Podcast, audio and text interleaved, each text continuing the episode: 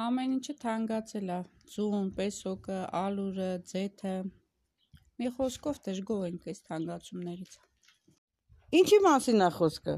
650 դրամանոց ձեթը դառել 1300 դրամ։ Մեզ ինչ գնով տալիս են, մենք այդ գնին մի քիչ ավելացնենք, վաճառում ենք, այնպես չի որ մեզ օգուտ է այդ գների բարձրացումը։ Սննդամթերքի գներն աճում են, դրամն արժեզրկվել է, աշխատավարձն էլ գնաճին համապատասխան չի բարձրացել։ Էկոնոմիկայի նախարարը հորդորում է խոճապի չմատնվել, իսկ տնտեսագետները բացատրում են պատճառները։ Լսենք տնտեսագետ Լուսինե Մինասյանին։ Շուկայի գների բարձրացումը կախված է միջազգային գների բարձրացման հետ եւ Հայաստանի Հանրապետությունում որպես պատերազմով եւ հետ պատերազմյան տնտեսություն ունեցող երկրի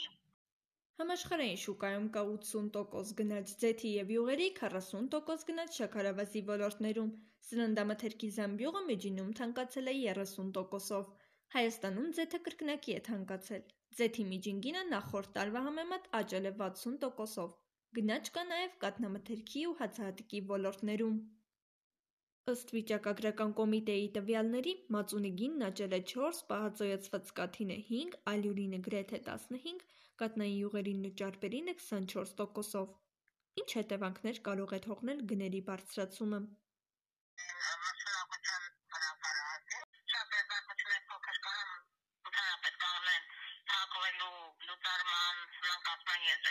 եթե ուտանշնդացնեք, արդեն մի քանի վարտային կազմակերպություններ դե արդյունքում բայց ներդրումներ են երկրում, ավելի դիպչանա, կբերի աղքատության բարձրացմանը, վիճակագրությունը չկա տալիս մեծանման հացագործությունների թիվը երկրում,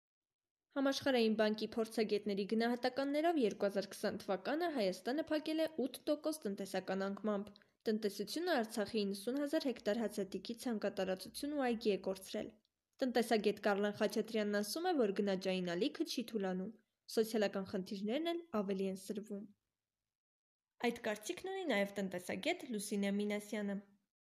Ինչը չկարողանա այս վիճակը անընդմեջ շարունակվելու։ Մենք չունենանք եւ մեր քաղաքական եւ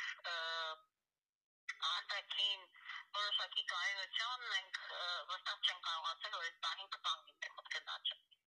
Հասարակությունը անհամբեր սպասում է գների իջեցմանը, իսկ գնաճը դեռ չի շտապում նահանջել։ Կենտրոնական բանկն էլ փորձում է զսպել այն եւ պահել 4%-ի միջակայքում։